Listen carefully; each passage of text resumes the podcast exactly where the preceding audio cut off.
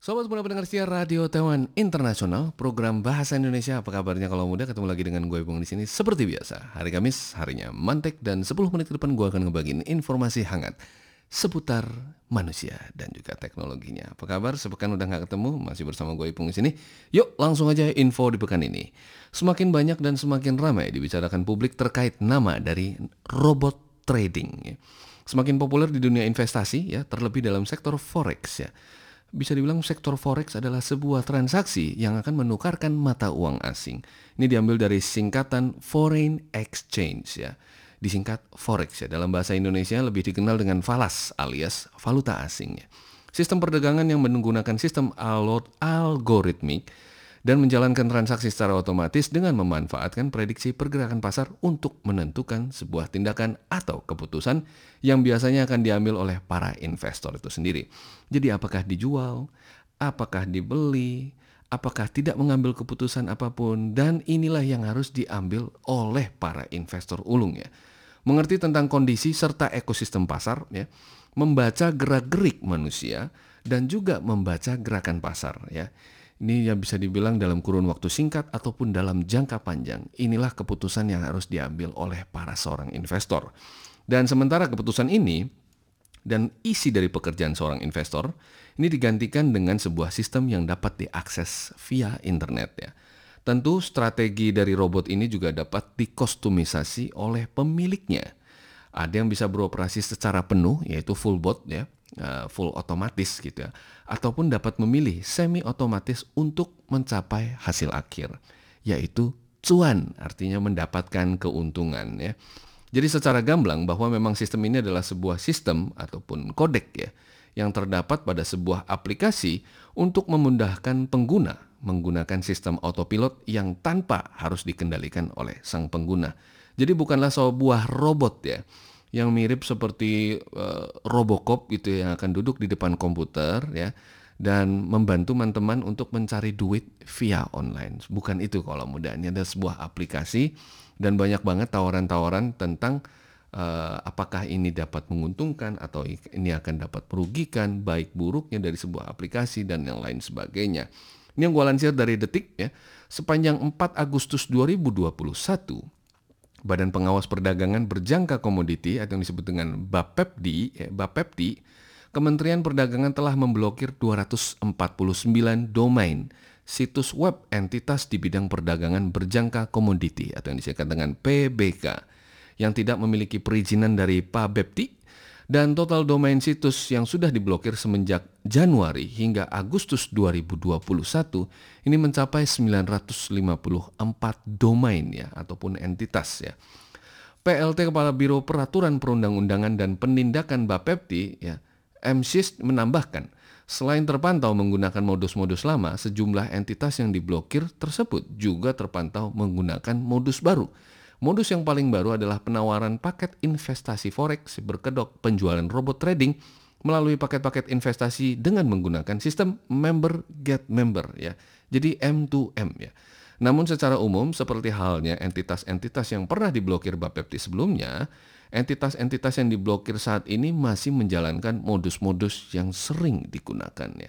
Jadi buat teman-teman yang memang ingin mencari keuntungan ataupun eh, apa ya eh, cuan sampingan ya. Mungkin teman-teman juga di sini bisa bisa membuat PR terlebih dahulu ya, meneliti dan juga menelaah lebih dulu apa yang cocok, apa yang kira-kira tidak cocok ya. Tentu semua juga menjanjikan, tetapi ada baiknya juga kita uh, harus membuat PR terlebih dahulu agar ya agar uh, tujuan dan fungsinya kembali ke uh, sesuai dengan permintaan kita kalau mudah ya. Lanjut lagi. Ketika pantauan dari pemerintah menjadi hal keseharian ya Beberapa negara maju di dunia yang memang sudah memiliki rencana tahap panjang dengan membuat kota-kota di negaranya agar dapat menjadi kota yang lebih layak dan menawarkan banyak kemudahan bagi warganya. Teknologi yang pesat, ditambah lagi dengan desain tata kota yang indah, serta akses dan juga rencana jangka panjang untuk membuat kota itu semakin nyaman ditinggali dengan fokus kesinambungan dan juga keberlangsungan. Jadi ketika urusan administrasi ini dapat dipermudah hanya dengan akses via internet dan memang sudah banyak eh, negara-negara di dunia yang memang sudah menerapkan metode tersebut. Untuk urusan administrasi semua mungkin bisa hanya dengan via akses internet. Tentu ketika warganya yang ingin melakukan permohonan secara administratif, tentu ini juga akan mengurangi banyak sekali waktu dan juga tenaga baik bagi para pemohon ataupun pihak otoritas ya. Dilansir dari Fox bahwa Beijing mengadopsi sebuah sistem baru yang bernama IJOP, IJOP ya. Ini yang disingkat adalah Integrated Joint Operation Platforms ya, di mana sistem ini dapat dengan mudahnya untuk memonitoring ataupun audit seluruh warganya via satu pintu. Sistem yang berbasis kamera yang dipasang dari setiap sudut di kota Beijing yang dapat dengan mudahnya mengenali subjek hanya dengan pemindaian secara fasial.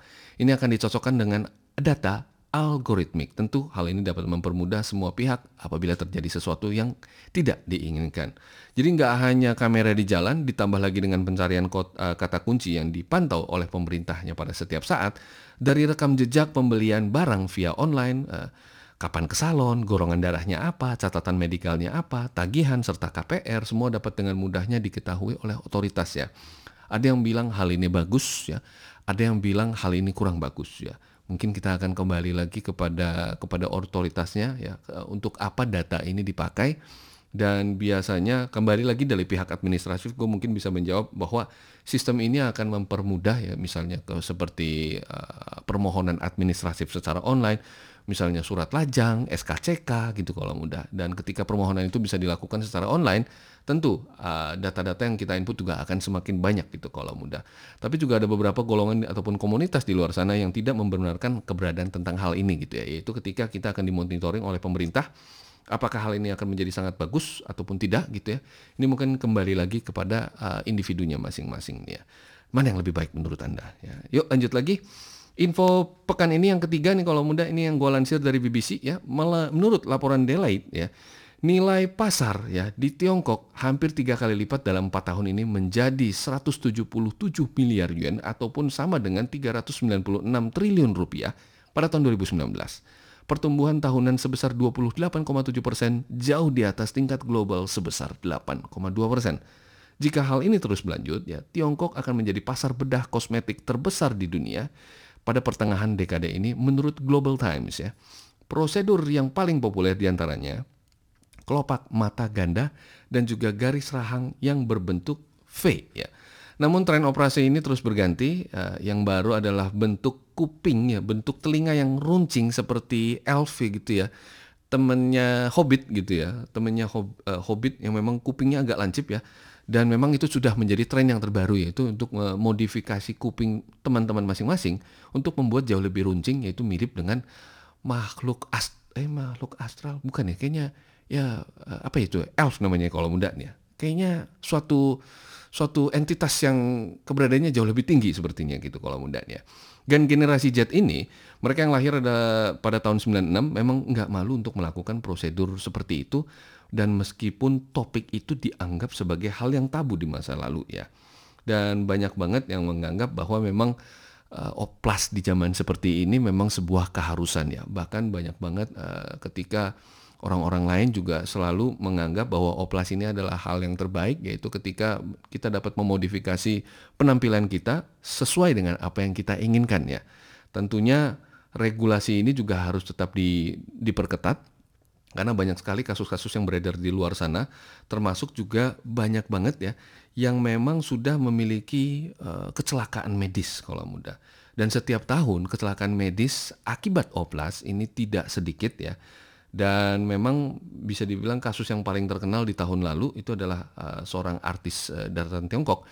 Yaitu adalah Kao Liu yang membagikan gambarnya secara online tentang prosedur kosmetik yang dijalankannya.